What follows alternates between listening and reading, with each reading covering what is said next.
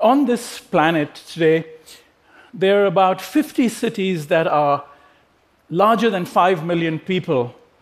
I'm going to share with you the story of one such city, a city of 7 million people, but a city that's a temporary megacity, an ephemeral megacity. This is a city that is built for a Hindu religious festival called the Kumbh Mela, which occurs every 12 years in smaller editions every four years, and takes place at the confluence of the Ganges and the Yamuna rivers in India.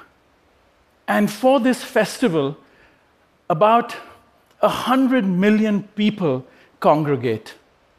The reason so many people congregate here is the Hindus believe that during the festival, the cycle every 12 years, if you bathe at the confluence of these two great rivers, you are freed from rebirth. It's a really compelling idea. You're liberated from life as we know it. And this is what attracts these millions. And an entire megacity is built to house them. Seven million people live there for the 55 days, and the other 100 million visit. These are images from the same spot that we took over the 10 weeks that it takes for the city to emerge. After the monsoon, as the waters of these rivers begin to recede and the sandbanks expose themselves, it becomes the terrain for the city. And by the 15th of January, starting 15th of October to 15th of January, in these weeks, an entire city emerges, a city that houses 7 million people. What is fascinating is this city actually has all the characteristics of a real megacity. A grid is employed to lay the city out. The urban system is a grid. And every street on the city goes across the river on a pontoon bridge. Incredibly resilient because if there's an unseasonal downpour or if the river changes course, the urban system stays intact. The city adjusts itself to this terrain, which can be volatile. It also replicates all forms of physical as well as social infrastructure water supply, sewage, electricity. There are 1,400 CCTV cameras that, that are used for security by uh, an entire station that is set up, but also social infrastructure like clinics, hospitals, all sorts of community services that make this function like any real megacity would do. 10,500 sweepers are employed by this city. It has a governance system, a Mela Adhikari, or the commissioner of the festival, that ensures that land is allocated, there's systems for all of this, that the system of the city, the mobility, all works efficiently. You know, it was the cleanest and the most efficient Indian city I've lived in. And that's what it looks like in comparison to Manhattan 30 square kilometers. That's the scale of the city. And this is not an informal city or a pop up city. This is a formal city. This is a state enterprise. The government sets this up. In today's world, of neoliberalism and capitalism, where the state has devolved itself complete responsibility from making and designing cities, this is an incredible case. It's a deliberate, intentional city, a formal city. And it's a city that sits on the ground very lightly. It sits on the banks of these rivers. And it leaves very little mark. There are no foundations. Fabric is used to build this entire city. What's also quite incredible is that there are five materials that are used to build this settlement for seven million people eight foot tall bamboo, string or rope, nails or screw, and a skinning material. It could be corrugated metal, a fabric, or plastic. And these materials come together and aggregate. It's like a kit of parts. And it's used all the way from a small tent, which might house five or six people or a family, to temples that can house 500, sometimes 1,000 people. And this kit of parts and this imagination of the city allows it to be disassembled. And so at the end of the festival, within a week, the entire city is disassembled. These are again images from the same spot. and the terrain is offered back to the river as with the monsoon, the water swells again. And it's this sort of imagination as a kit of parts that allows this disassembly and the reabsorption of all this material. So the electricity poles go to little villages in the hinterland, the pontoon bridges are used in small towns, the material is all reabsorbed. Fascinating, it's amazing.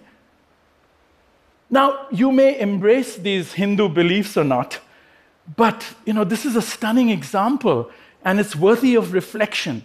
Here, human beings spend an enormous amount of energy and imagination knowing that the city is going to reverse, it's going to be disassembled, it's going to be dif- disappear.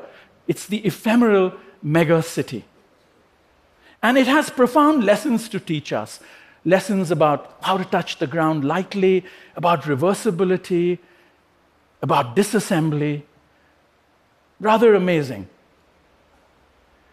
And you know, we are as humans obsessed with permanence. We resist change. It's an impulse that we all have. And we resist change in spite of the fact that change is perhaps the only constant in our lives. Everything has an expiry date, including spaceship Earth, our planet.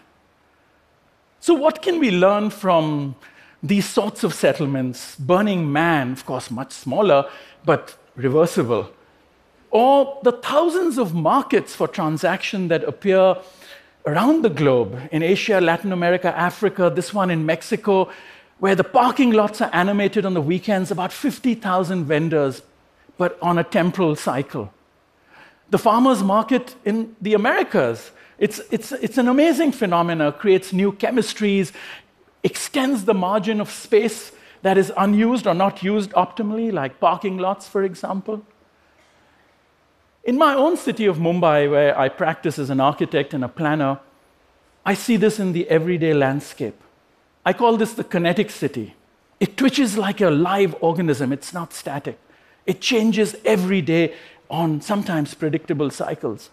About six million people live in these kinds of temporary settlements.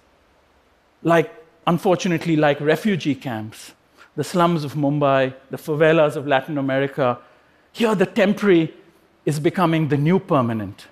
Here, urbanism is not about grand vision, it's about grand adjustment. On the street in Mumbai, during the Ganesh festival, a transformation. A community hall is created for 10 days. Bollywood films are shown, Thousands congregate for dinners and celebration. It's made out of papier mache and plaster of Paris, designed to be disassembled, and in 10 days, overnight, it disappears and the street goes back to anonymity. Or our wonderful open spaces, we call them Maidans, and it's used for this uh, incredibly nuanced and complicated, fascinating Indian game called cricket, which I believe the British invented. And and in the evenings, a wedding wraps around the cricket pitch. Notice the cricket pitch is not touched, it's sacred ground. but here, the club members and the wedding party partake in tea through a common kitchen, and at midnight is disassembled and the space offered back uh, to the city. Here, urbanism is an elastic condition. And so, if we reflect about these questions, I mean, I think many come to mind. But an important one is are we really in our cities, in our imagination about urbanism, making permanent solutions for temporary problems?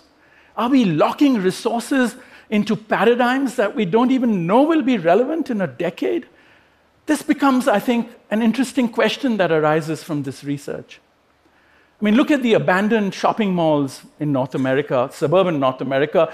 Retail, retail experts have predicted that in the next decade, of the 2,000 malls that exist today, 50% will be abandoned. Massive amount of material locked into, I mean, capturing resources that will not be relevant soon. Or the Olympic stadiums. Around the globe, cities build these under great contestation with massive resources but after the games go, they can't often get absorbed into the city. Couldn't these be pneumatic structures, deflatable? We have the technology for that, that get gifted to smaller towns around the world or in those countries, or move, are stored and moved uh, for the next Olympics. A massive use of, inefficient use of resources. Like the circus. I mean, we could imagine it like the circus, this wonderful institution that used to camp in cities, set up this lovely kind of visual dialogue with the static city, and, um, and within it, the amazement. Children of different ethnic groups become suddenly aware of each other. People of color become aware of others. Income groups and cultures and ethnicities all come together around the amazement of the ring with animals and performers. New chemistries are created. People become aware of things, and this moves on to the next town. On nature, the fluxes of nature, climate change, how do we deal with this? Can we be more accommodating? Can we create softer urban systems? Or are we going to challenge nature continuously with heavy infrastructure, which we are already doing, unsuccessful? Now, I'm not arguing that we've got to make our cities like a circus. I'm not arguing that cities must be completely temporary. I'm only making a plea that we need to make a shift in our imagination about cities, where we need to reserve more space for uses on a temporal scale, where we need to use our resources efficiently to extend the expiry date of our planet. We need to change planning, urban design cultures to think of the temporal, the reversible, the disassemblable. And that can be tremendous in terms of the effect it might have on our lives. I often think back to the Kumbh Mela that I visited with my students and I studied, and this was a moment where the city had been disassembled a week after the festival is over. There was no mark. The terrain was waiting to be covered over by the water to be consumed. And I, I went to thank a high priestess who had helped us and my students through our research and facilitated us through this process. And I went to her with great enthusiasm and I told her about how much we had learned about infrastructure, the city, the efficiency of the city, the architecture, the five materials that made the city. She looked really amused. She was smiling. In any case, she leant forward and put her hand on my head to bless me. And she whispered in my ear, She said, Feel blessed that the Mother Ganges allowed you all to sit in her lap for a few days. I've often sort of thought about this, and of course, I understood what she said. She said, Cities, people, architecture will come and go, but the planet is here to stay. Touch it lightly, leave a minimal mark. And I think that's an important lesson for us as citizens and architects. And I think it was this experience that made me believe that impermanence is bigger than permanence and bigger than us all. Thank you for listening.